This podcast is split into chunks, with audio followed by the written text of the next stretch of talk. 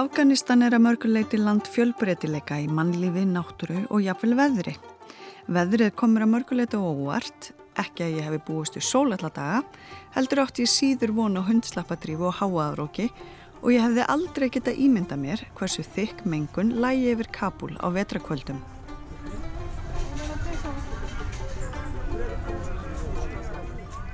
Á góðviðri stögum sést þó vel til fjallana sem umlikja borgina og svo ennlengra í burtu sjást tindar hindukús sem eru alltaf með hvita húfu á kollum sínum.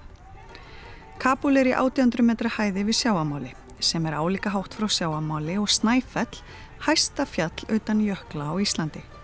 Þar af leiðandi eru sumrin mildari en viða annar staðar í Afganistan en kvöldin og næturnar geta orðið kvölda á öðrum ástíma sér í lagi þegar veturinn gengur í garð. Því miður þarf maður eiginlega að fara út fyrir borgina til að komast í hreint ferst fjallaloft því mengun er gríðarlega mikil í Kabul alla jafna og þá sérstaklega á vetuna.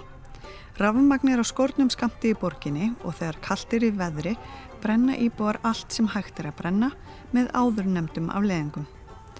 Í vetrastillunum getur mengunin orðið þykk sem þoka með skelvilegum afleðingum fyrir fólk með öndunafæra sjúkdóma og hjartakvilla. Á síðustu árum hafa fleiri látist úr þessum sjúkdómum en vegna stríðsátaka í landinu og mikill meiri hluti þeirra bjó í Kabul.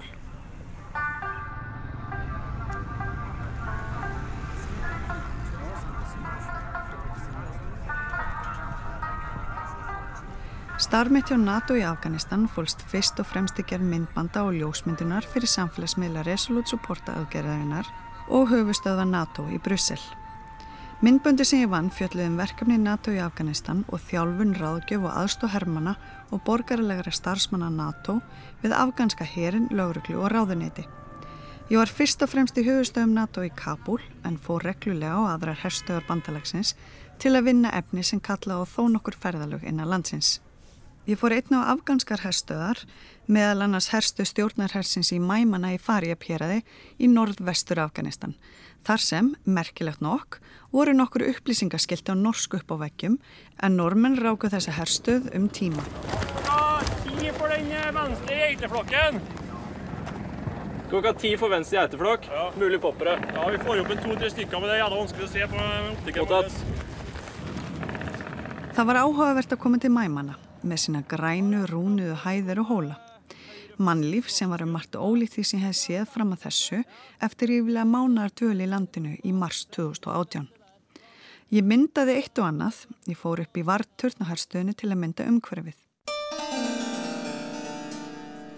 Ég fjakk það á tilfinninguna að ég væri að horfa á sjónvarp þar sem ég fylgist með daglu lífi þjóta hjá. Í hæðunum við herstöðina voru nokkur láreist hús og rétt við herstöðina var vegur. Lítil stelpa var alltaf meira en fjögur að fimm ára gömul, hljóp við fót með fram veginum. Strákur, eldri, líklega um 7-8 ára, fylgdi fast á eftir henni en hann fór hægar yfir því hann var að bera eitthvað pakka sem var augljóslega mjög þungur. Strákurinn tilti sér í vegkantinum að kvíla sig en eftir smá stund lifti hann pakkanum á höfuð sér og hjælt áfram niður á veginn. Pínu lítil tuk-tuk kerði fram úr þeim og stoppaði svo fyrir þeim en aftan í honum sátu fjórar konur sem allar voru í bláum búrkum. Krakkani voru eflust allsæl en það fenguðu þau far með konunum. Menn ráku asna eftir veginum, aðrir voru að plæja og bílar kerðu fram hjá öðru hverju. Upp á einu þeirra satt maður, sallarólegur, sáttur við sæti sitt. Við hliðið mér stóðu tveir ungir bandarískir hermenn vaktina, miðuðu bissum sínum út í loftið og störðu í kíkin öðru hverju til að greina mögulega og ómögulega ógn í fjarska. Og ógnin var vissulega til staðar því talibanar höfðu barist til stjórnarherin um nokkur svæði í héræðin um langt skeið. Þennan dag var þó allána friður á þessum slóðum. Nægur friður til að rógast með þunga pakka, setja berskjaldar upp á bílþæki og plæja agur.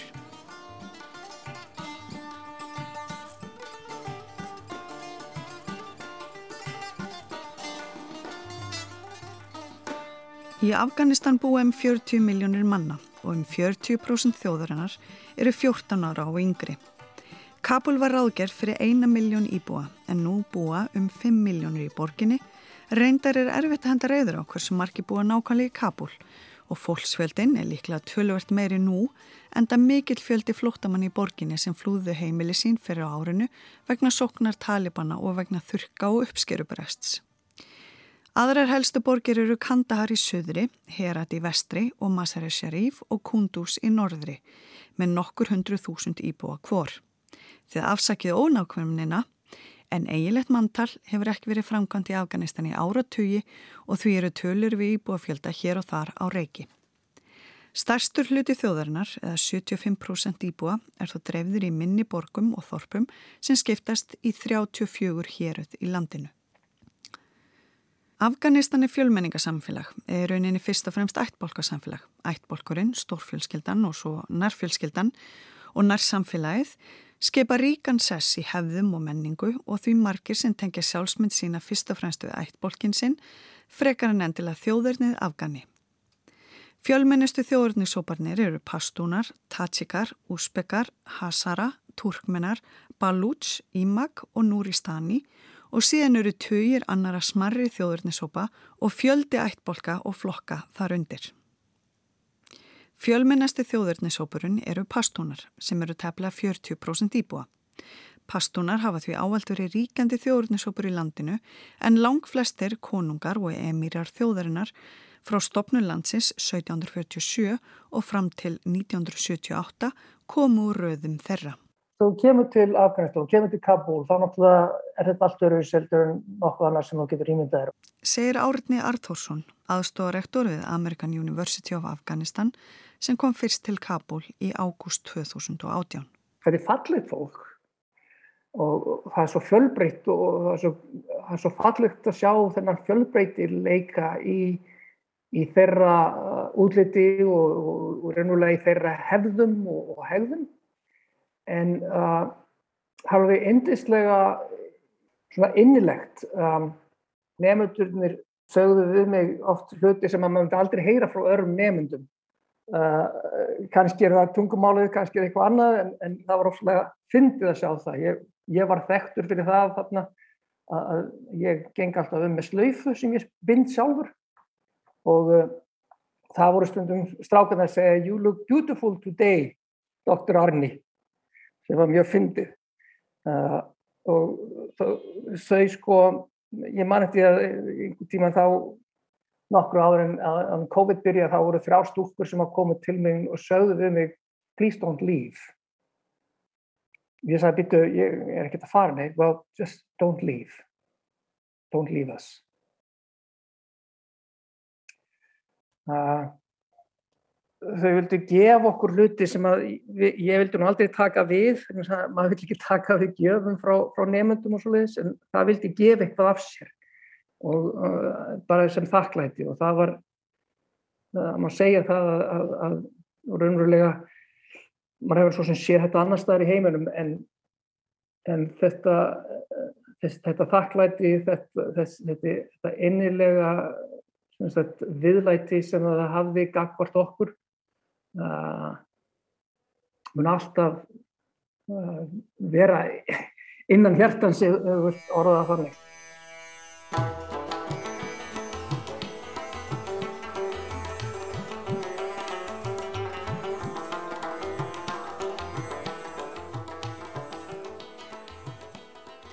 Pastúnar eru reyndar dreifðir sitt hverju megin við landamæri Pakistan og Afganistan eða Durand-línuna, svo kalluðu.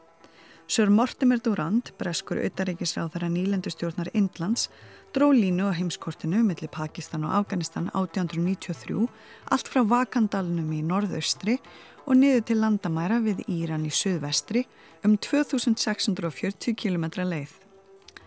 Stjórnvöldi í Afganistan fóru fram á að landamærin erði endurskipilöð með tilliti til pastúna, starstað þjóðurnisóps landsins þegar Indland og Pakistan fengur sjálfstæði en án árangurs. Pastúnar og fjölmargir ættflokkar þeirra hafa æg síðan verið búsettir begja megin dúrandlínunar. Pastúnar lifa flestir eftir pastún valíkóðanum, eins konar síðareglum eða bóðordum sem hafa fyllt þeim frá örófi alda. Gestrisnir í hávegum höfði í Pastón Vali að skjóta skjólsús yfir eitthvað sem er ofsóttur, heiður er hverju manni og konu mikilvægur sem og fjölskyldunni. Og hefna skal þess sem gert eru kostnað heiðursins. Treyðgagvart fjölskyldinu og ættbóknum og virðing fyrir eldra fólki er einni meðal bóðorða Pastún Vali sem leggja hverjum pastúnum lífsæklunar bæði utan og innan Afganistan.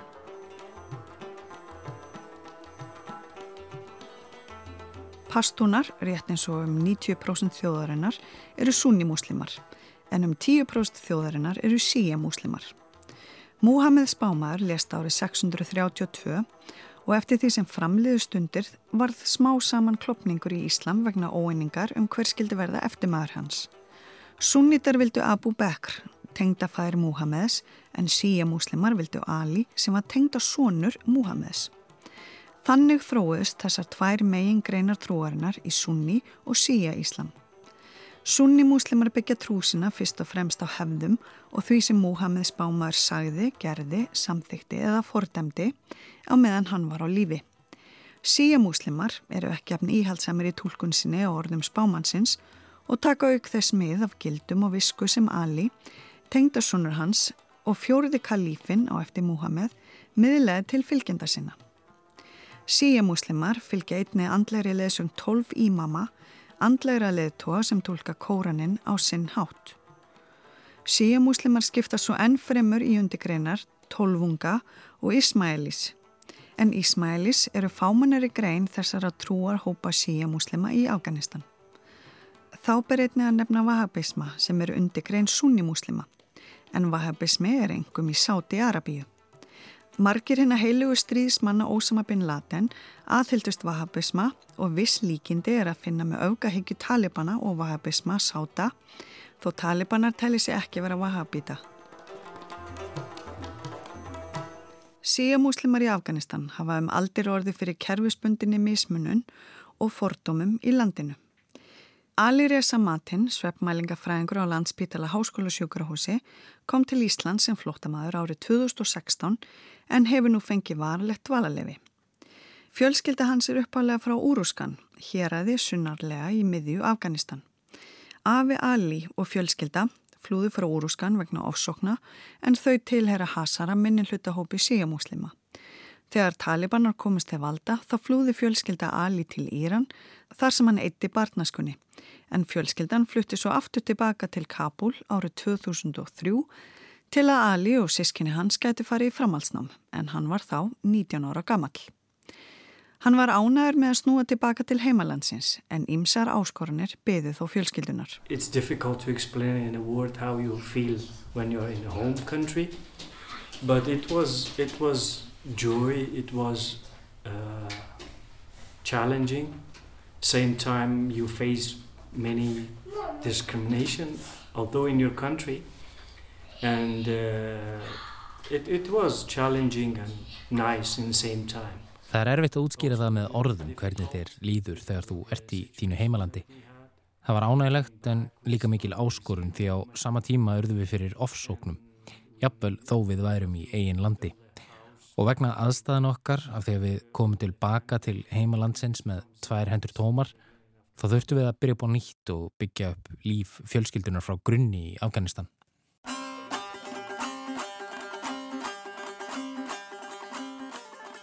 Hinn mikli fjallgarður Hindukús tegið sér frá landamærum við Tajikistan, Kína og Pakistan, frá Badakhshan, Héradi og Vakandalnum og breyður úr sér langt inn í mitt land áleiðis til vesturs. Vakandalurinn hefur að geima suma af hæstu tindum landsins og náttúrufegur þar er óviðjafnuleg. Svæðið er mjög einangrað og slapp við talibana að mestu en þeir náðu aldrei Badakhshan hér aðeinu undir sig síðast þegar þeir voru við völd. Svæðið er mjög hardbilt og drefbilt en enga síður eitt vinsalasta fjallgöngusvæði landsins með alferða fólks sem vil ferðast utan alfara leiðar. Í Vakandalnum og í Badakhsan héræði er að finna marga hæstu tindalandsins og þar trónir Nossak, hæsti tindur Afganistan með sína 7492 metra hátt yfir mönnum og mállýsingjum.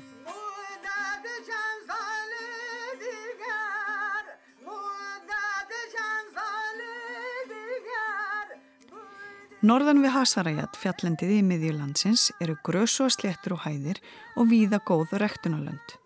Það eru líka gjöful svæði viða í suðri, sér í lagi við árfarvegi, til að mynda við Arkandabána og svæðið sem hún rennur í gegnum frá fjöllum, Hasarajat og niður til Kandahar og Helmand. Kandahar er enda þekkt fyrir dísætt vinnbersín og granadepli sem eru rættuð á þessum svæðum. Sunnan fjallendisins til suðvesturs er þó þurrara og heitar á loftslag þar sem rættun er mjög erfið í gróðusnauðu eðimarku landslæginu. Við herat í vestri er sömulegis heitt og þurrt yfir hásumarið og þar eru stór safran rættunasvæði en afganst safrankrydd þykir eitt besta safran í heimi. Það er þó ekki sami öfgahitin í heratýraði og sunnar í landinu því sérstatt sömarvindakerfi kælir niður mestan sömarhitan. Vindurinn er kallar 120 dagavindurinn og blæs frá júni og fram í september og getur skollið á með litlum fyrirvara. Það er vart verandi úti þegar stormurinn er hvað mestur og örfint sandreikið hamlar sín og ímsum atbörðum daglegs lífs. En veðurkerfi í Herat bætir íbúum það upp með heiðskýrum himni þess á milli og einum bjartasta stjörnuhimni sem ég hef á æfi minni séð.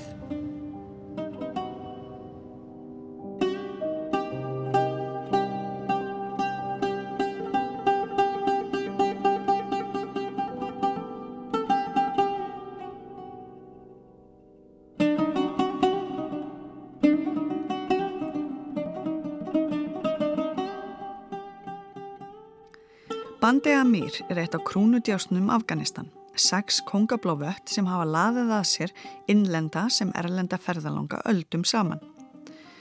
Vatnakerfið er staðsett í Bamiyan hér eða í miðju Afganistan og voru vötnin og nálegasta umhverfið þeirra gerða þjóðgarði í mæ 2009. Þánga segir fólk til að njóta náttúrunar nú eða skella sér á hjólabátt og hjóla sér áfram í dýrðinni. Water, it was when I got to Afghanistan the same water as Iceland. The taste is almost similar. The purity and the cleanness, it was the same. And also the nature is like uh, almost unique to each other. That Iceland is like uh, the country of fire and ice. Það er samskonar vatn í Afganistan og Íslandi. Bræðið er sveipað, hreinleiki þess er sá sami og náttúra begja landa er einstök hver á sinn hátt. Ísland er land elds og ísa og Afganistan á sér fjórar ástíðir. Þú getur ferðast frá söðri til norður sem landið og notið þess á ólíkum ástímum og notið fjölbreyttar náttúru. Það eru eigðimerkur í Afganistan, við erum með skóa og það er margt að sjá og njóta í náttúrunni. Það er það sem löndin eiga sameinlegt. Þú getur notið náttúrunnar í báðum löndum og fyrir mér eru bæði löndin mín heimalönd.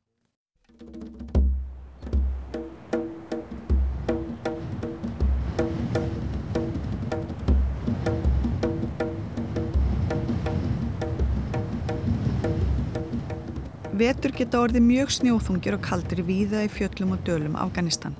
Mörg þorp og sveitahýruð geta orðið innilokuð vikum og jafnvel mánuðum saman yfir vetratíman. Slíka einangurinn getur haft alvarlegar afleggingar fyrir þá sem þar búa, sér í lagi ófrískar konur og aðra sem þurfa að leita sér læknishjálpar. Áhrifa getur að sjálfsögja frá hlínunjarðar í Afganistan og jöklar hindu kús hopa þar eins og annar staðar í heiminum. Dreigið hefur úrkomi með þeim afleggingum að vassforði fjalla og jökla hefur minkað og miklu þurkar síðustu ár hafa haft áhrif á lífsafkomi bænda víða um land. Þá hafa aldagumil áveitukerfi víða um landið eðalögst í stríðsátökum eða vegna lítils viðhalds og breytinga í veðufari. Áveitukerfin, KRS, hafa um aldir séð íbúum fyrir vatni til drikjar og rektunar, engum í söður og söðvestur hluta Afganistan. Nú er svo komið að mörg svæði sem áður voru gróskum mikil og gjöful, til dæmis við Helmand í suðvestri, hafa þórnað upp og eru ónýtileg og miklir þurkar síðustu ár hafa neitt þúsundir fjölskyldna á flótta innan heimalandsins.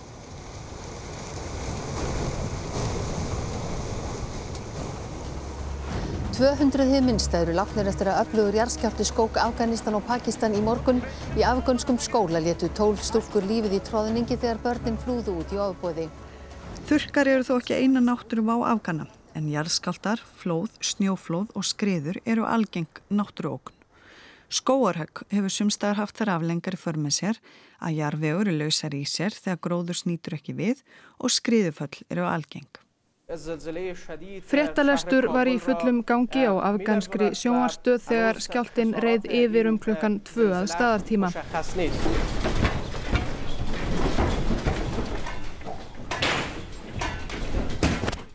Skjáltin var af stærðinni 7,5. Upptök hans voru í fjöllum norður Afganistans um 250 km frá... Eftir mikla regningar voru 2014 mættu íbúar fjallathorpsins Abi Barak í Badaksjan örlegum sínum þegar örskreða fjall úr fjallslið fyrir ofan þorpið og um 300 hús og íbúar þeirra gróðust undir. Eftirlifandi þorpsbúar mátti sín lítilskakvart móður náttúru þennan dag en örskreðan var sumstaðar alltaf 10 metrar á þygt. Björguna aðgerðið gengur hægt og ítla, enda þorpið afskekt og ítla tækjum búið til að takast á við náttúruhamfarir af þessari starðakráði. Talið er að alltaf 2100 íbúar Abi Barak hafi farist í öskriðinu þennan dag en ómögulegt er endist að grafa upp alla sem fórust vegna umfangsskriðunar.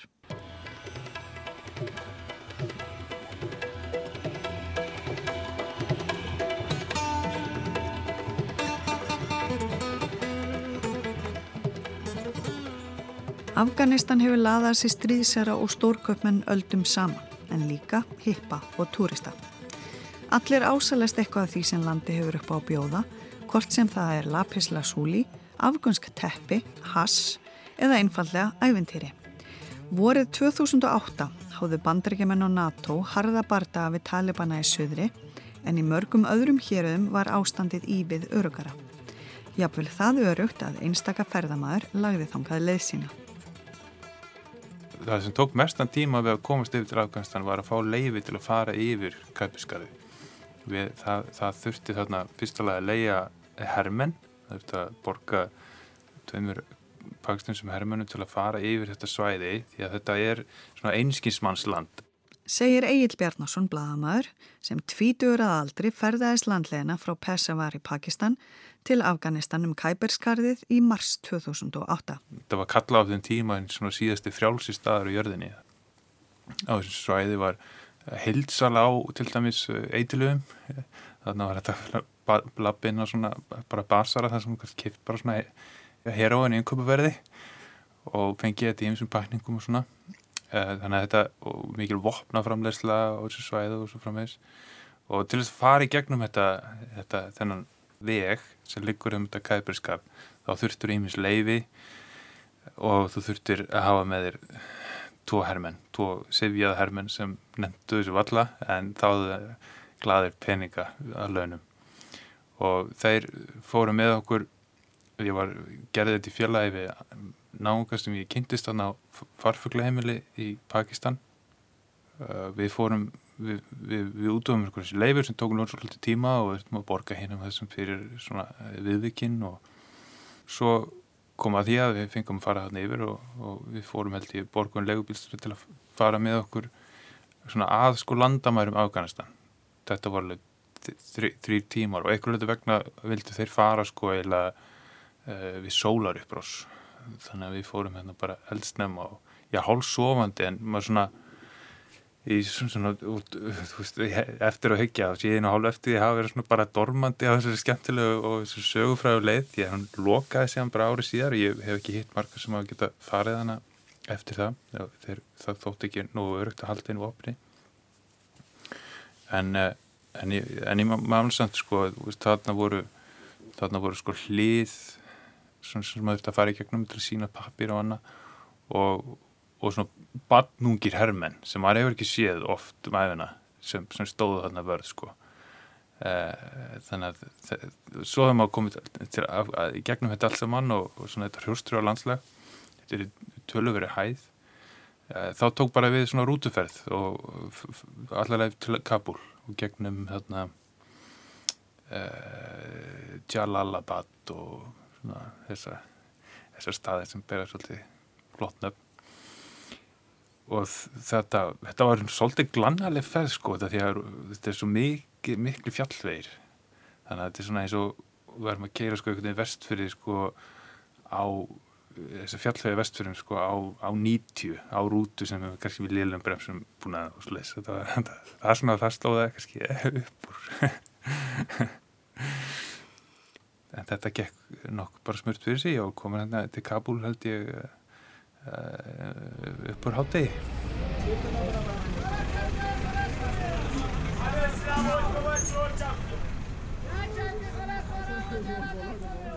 sko, ég, ég hef til mig alltaf vera mjög varkan á ferðamann og hérna, þannig ég er svona að komst að þeim liðstu að þetta væri ekkert eins hættild og kannski afalátið að fara til Afganistan. Og ef maður myndi halda sig innan þessa þessara hérað sem, sem væri raunin ekki bardagar og það sem þessir, það sem pastúnar og talibanar væri, væri ekki ráðandi.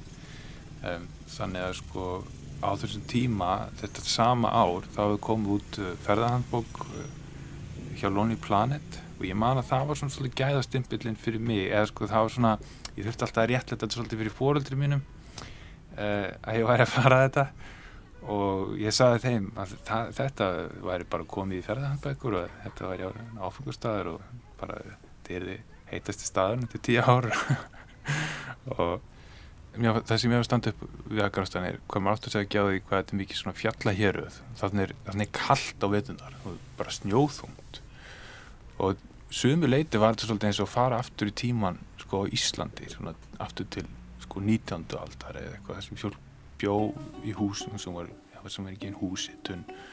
Og, og, og þau lifið á ykkur svona hálfgerðum landbúnaði sko skrimtuð á, á því að eiga ykkur smá búfinnað og, og það er meira satt að borða svið uh, og þess að það er þannig að það var það sem ég, kom mér svona svolítið óvart við bara landslæði sem slíkt að, að hvað þetta er hvað þetta er óbúslega hrjústrugt og hérna svona harbilt land við að við bara eins og að vera í Pakistans nákvæmnaríkinu þarna og Íran.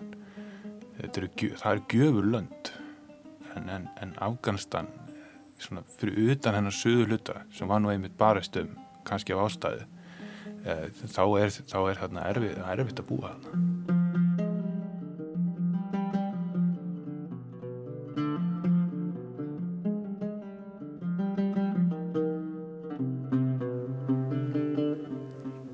í minningunum voru þetta alveg gríðarlega flott fjöll og, og, og glæsileg fjallvegir. Það er svona að, þetta, það, þetta var svona sko það sem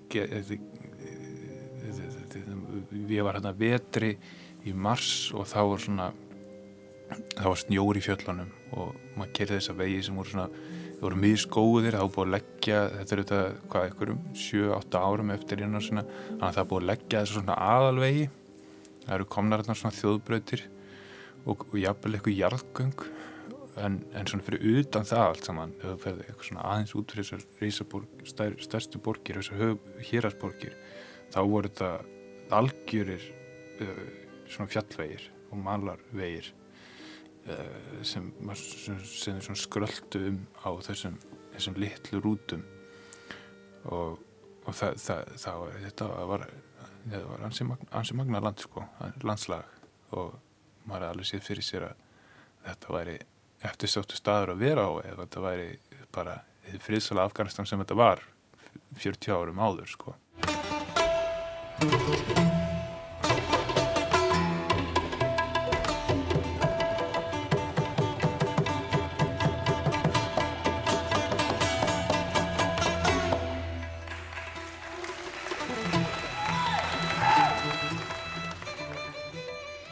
Afganistan var mikilvæg hluti hippaleðarinnar, þann sem leið lág frá stórborgum Evrópu til Góa á Indlandi. Frá Istanbul í Tyrklandi lágun til Teheran í Íran og áfram til Herat í vestri, Kandahar í söðri, til Bamian Heraðs og Bandi Amir, kongablói vatnana og upp til Kabul. En þetta voru helstu áningastæðir hippana í Afganistan. Með sítt hár í útviðum buksum, hippamusum og vestranir í fasi, skáru hippani sig óneitinlega úr mannfjöldanum hvers sem þeir fóru en þeim var vel tekið og gáttu ferðast um óáreittir enda sjöndi áratugurinn og byrjun þess áttunda einn bestu og fríðsumustu árin í sögu landsins. Hassið frá Masari Sharif var vist gæða vara og í Kabul urðu nokkara daga stopp að vikum. Það var einfallega eitthvað alveg sérstakt við borgina, mannlífið og menninguna. Ævintýra sögur frá ferðalögum heipana bárust um víða veröld og þángað rataði einstaka Íslandingur. Sumir dvöldu lengur en aðrir.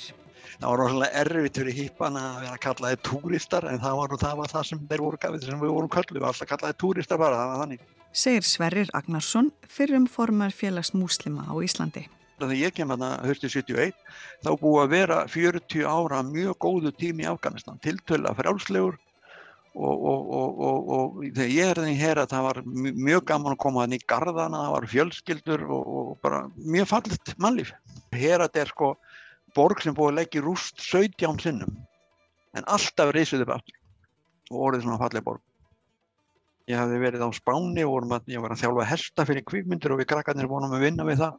Við ákvaðum að hýtast í Tyrklandi og fara uh, til Himalaya, kaupa okkur hesta og skoða heiminn þannig. Þannig. En ég var svo eini sem mætti þannig, og ég kefti bara hestin og byrjaði og fór ferðast að nefn í næstu að rúmlega nú eitt og halvt ára.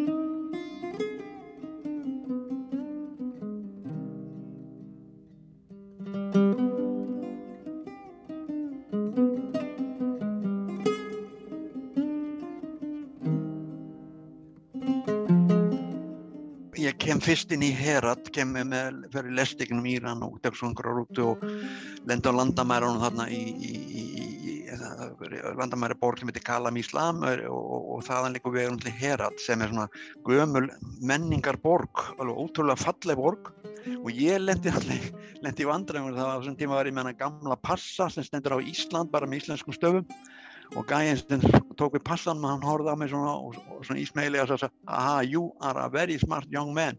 You make your own passport. There is no such country as island island, there is no such country. Þannig ég lendi að lístu vandræðum og þetta sanna Ísland var í til og það tók tölur hann tíma.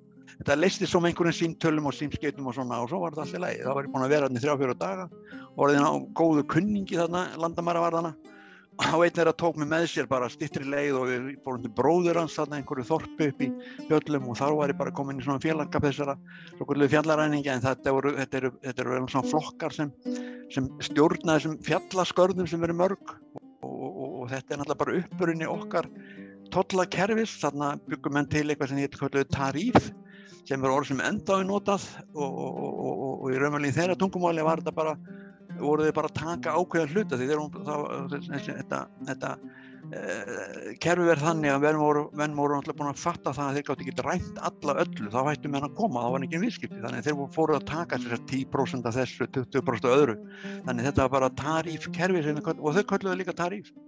Þetta var, þetta var, þetta var í smá bæi fjöldunum rétt austur af Herat og hérna stundum vissi ég náttúrulega ekkert hvað ég var ef maður var að flækja þetta á alls konar faratækjum en, en, en þetta var uh, leiðin lása frá Herat og ég fór upp með hérna norðurlandamærunum sko alveg upp til uh, til Masari Sharif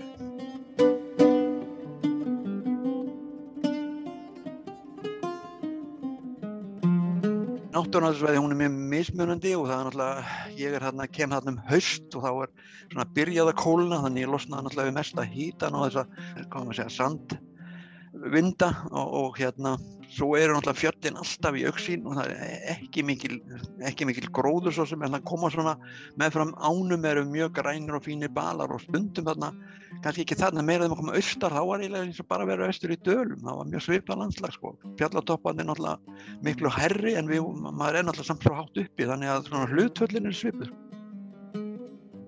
Silkileiðin mikla tegði ánga sína til Afganistan og verslunarleiðir lág um landi frá Vakandalnum og Masarisiri fyrir norðri til Herat í vestri Lapisla Súli steintönd úr fjöllunum frá Badaksan var vinsalverslunarvara enda eftirsóttir í skarkrippi fyrir fólk víða um heim sem heitlaðist af kongablóðum lit steinana. Rúbinsteinar og aðrir eðalsteinar voru sömulegis vinsalvara sem á viðskipti með krydd og vefnaðvöru frá Afganistan. Herat var menningarborg og, og, og, og þetta er örstuðt frá Bukhara og Samarkand sem til eru þessu svæði sem er gamla menningarborgir og, afgani lifiðu bara sem sko, uh, sko menningar þjóð með að við vorum að byggja Ísland sko. og, þarna voru hérna, maður segja, heimsviðskiptin fór eiginlega megnin til þannig gegn.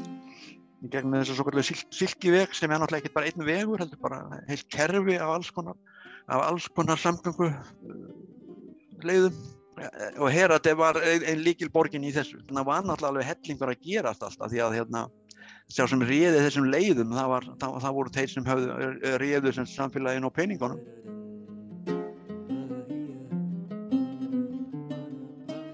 Og lýsingar Sverris á gömlu silkileðunum og samfélaginu eiga merkilegt nokk en þá við að einhverju leiti í Afganistan en þó í allt annari mynd og í öllu ólöglegara formi. Afganar eru mestu ópíum framleiðundur í heimi. Í nýri skýslu saminu þjóðuna segir að þaðan fái 15 miljónir fíkla efnin sem verðum 100.000 manns að bana á ári og stöðlað útbreyslu HIV verunar. Tegjur af framleiðslu og sölu nema mörg hundruð miljardum króna á ári. Talibanar hyrða miljarda af þessu fjö með... Um 80% af allir heims framleiðslu og ópjum kemur frá Afganistan undir stjórn Talibana. Þaðan er ópjum og reyndar hass líka flutt landlegina til Íran og Pakistan og þaðan áfram um víða veröld. Talið er að ópjumræktunarsvæði í Afganistan hafi verið um 224.000 hektarar aða stærði fyrra og framlegslan hafi verið 6.300 tonn. Ríflega 70% framlegslunar eru suður hér um landsins samkvæmt skýrslu frá skrifstöðu saminuðu þjóðana um eiturlif og glæpi frá 2020. Valmo og Akararnir eru því víða og aðeins 12 héruð af 34 í Afganistan voru laus við ópjumræktun á síðast ári.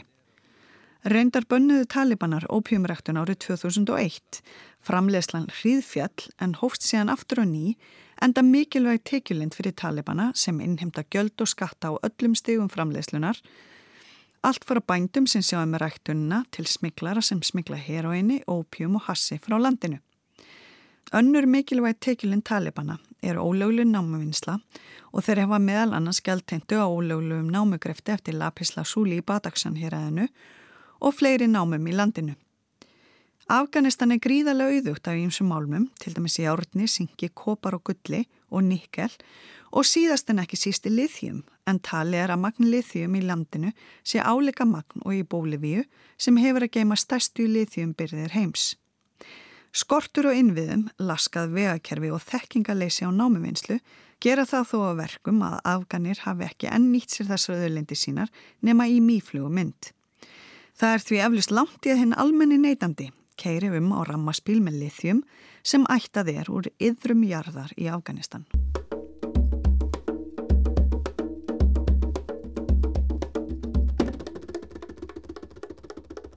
Áratuga stríðsátöku í Afganistan hafa kostað þjóðina gríðarlega mannfórnir en það er erfitt að gera sér hugulönd þá beinu og óbeinu eðileggingu sem stríðsátök hafa haft á náttúru og menningu í landinu.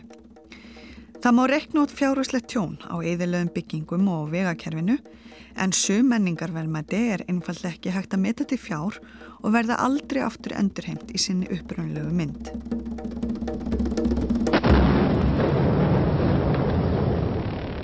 Stjórn Talibana í Afganistan hefur byrt myndir sem sína þegar risastitturnar tvær í Bæman voru sprengtar.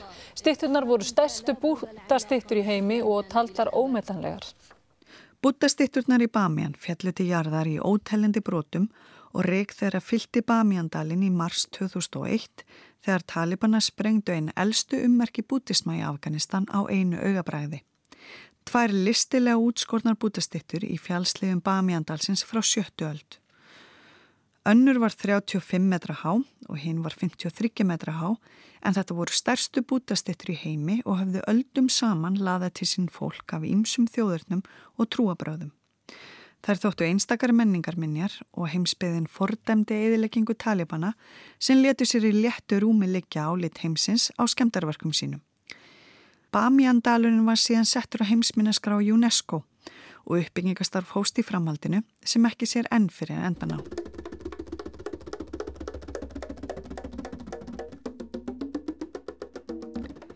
Kabul og stærstu borgin að slupa miklu leiti við eðileggingu átök í stríði sovjetmanna í landinu en það snar breytist í borgarastyrjöldinni þegar sprengjum ringdi við borgina. Heilu borgarkvarjun voru jöfnundi grunna og þar með tali fjöldi bygginga með mikið menningalegt gildi. Einn þeirra er Darul Aman höllin, höll hérna yfirgefni drauma eins og fyrir um fórseti Afganistan, Ashraf Ghani kalla eitt sinn þessa fyrir um höll Amanullah konungs. Amanullah var undir áhrifum evróskar byggingalistar en bygging hallarinnar var liður í nútíma veðingu Kabul og hófust framkvæmdir við hann að snemma á þriði áratug síðustu aldar. Höllin varð ítla út í eldflögu árásum mútjahettin í borgarestyrjöldinni og rústir hennar stóðu sem minnisvarði um eðileggingar stríðsins allt fram til 2016 þegar stórfælt endur uppbygging hófst.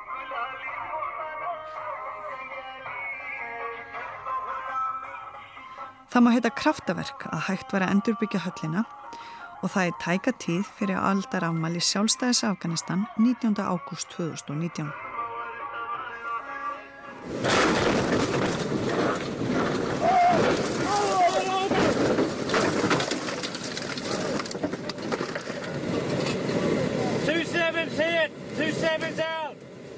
Jarsprengjur hafa árantum saman verið mikið lókn við menn og skeppnur í Afganistan en sovjetmenn skildi eftir sig aðra grúa jarsprengna vítt og breytt um landið. Þessi mikla ógn hefur ekki aðeins haft í förmið sér lífsættuleg slis og áverka fólki heldur eru óhreinsu landsvæði ónýtileg fyrir búskap svo lengi sem jarsprengjur er þar að finna. Marjana Sillag, hjúkurnafræðingur, fór sem sendifiltrúi Rauðakrossins og starfið á spítalunum í Kabul þegar borgarastyrjöldin hóst árið 1992. Hún segir slemt öryggisástand og jærsprengjókn hafa takmarka ferðarfrelsi sín og annara á þessum tíma. Ég var bara í borginni Kabul. Hún var ekki leift að fara eitt eða neitt og það náttúrulega breytti sljótlega eftir að koma í ljós að það var þessi og þetta fjöld við máttum alltaf fara í einhver ákveðinu svona litla fjallgungur en það var allt saman bannað bæði út af þessum þegar loftarósinnar og annað byrjuðu og út af þessum jærsprengum þannig að það var ekkert leifilegt að skoða neitt. Við gáttum farið upp á eitt svona hól og séði við borgina en með var það upptalið. Bresku sprengurhreinsunarsamtökin, Heil og Tröst, hafa unniðar hreinsunastarfi á jærsprengjum í Afganistan síðan 1988 en samtökin sjá einnig um að farga ímsum gerðum sprengja og um fræðslu og forvarnastarf. Fyrir þremur árum síðan náðu samtökin þeim merka áfanga að ljúka við hreinsun á jærsprengjum í Heratjeraði en starf samtakana í héræðinu tóku tíu ár. Því miður er starfi samtakana í landinu fjarrið því lokið. Það eru næg verkefni sem býða víða um land. Það er þó ljós í myrkurnu en samtökin náðu nýverið samkominnlægi við Talibana um áframaldandi hreinsunastarf á jarðsprengjum í Afganistan.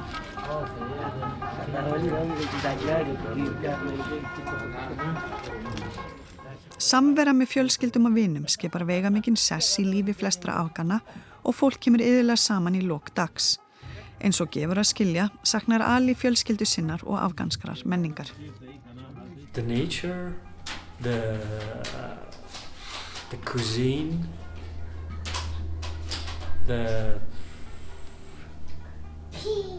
the environment. This is the, the moment that you, uh, like it's a culturally when we came back from work like around 5, 6, especially in the summer. It's still sun in the sky. We went back to the, like uh, in the main street. We see friends. Náttúran, maturinn, umhverfið. Það eru hefðir í menningunni eins og til dæmis þegar þú klárar vinnuna síðdeis, sérstaklega á sumrin þegar sól er enn á lofti og þó kemur fólk saman á aðalgötunni, vinir og fjölskyldur, vestlunur eigundur og þeir sem þekkjast setjast einhverstað niður og spjalla saman fram að sólsetri. Þá förum við heim og svo kemur nýr dagur. Þetta er ákveðin hefðið að hittast eftir vinnu og ræða um daginn okkar, hvernig hann gekk fyrir sig. Það eru svona hlutir sem maður hefur ekki hér eða annar staðar.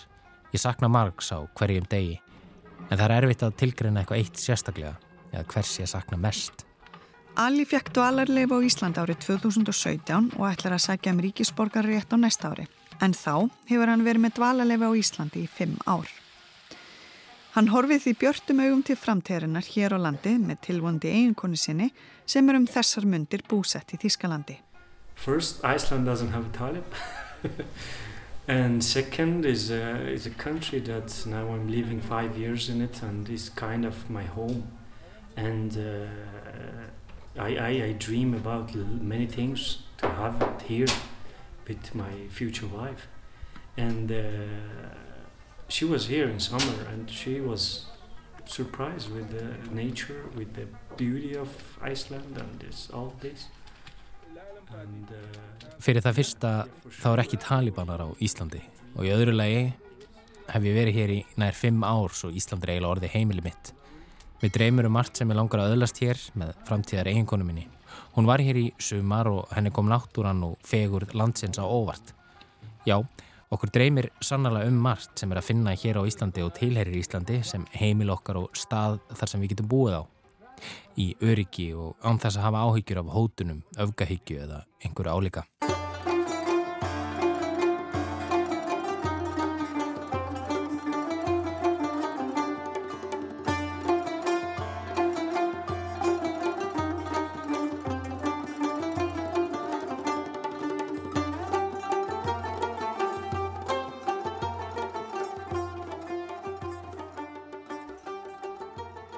Afgönska gestrisni er annáluð og eftirminnileg hverjum þeim sem sótt hefur landið heim eða kynst afgönnum utan heimalandsins.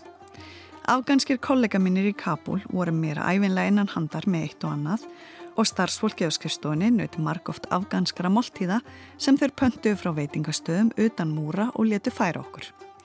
Afganskur matur er virkilega bræðgóður, léttur en um leið seðjandi og þetta voru mína bestu máltíðir í landinu. Ein málti er þó líklega eftirminnilegri en margar. Ég var tæflega viku að fyrirnemndri herstuði í mæmana hvar við fengum þýskar fyrirfram eldar kaldar pakkamáltíðir í öll mál.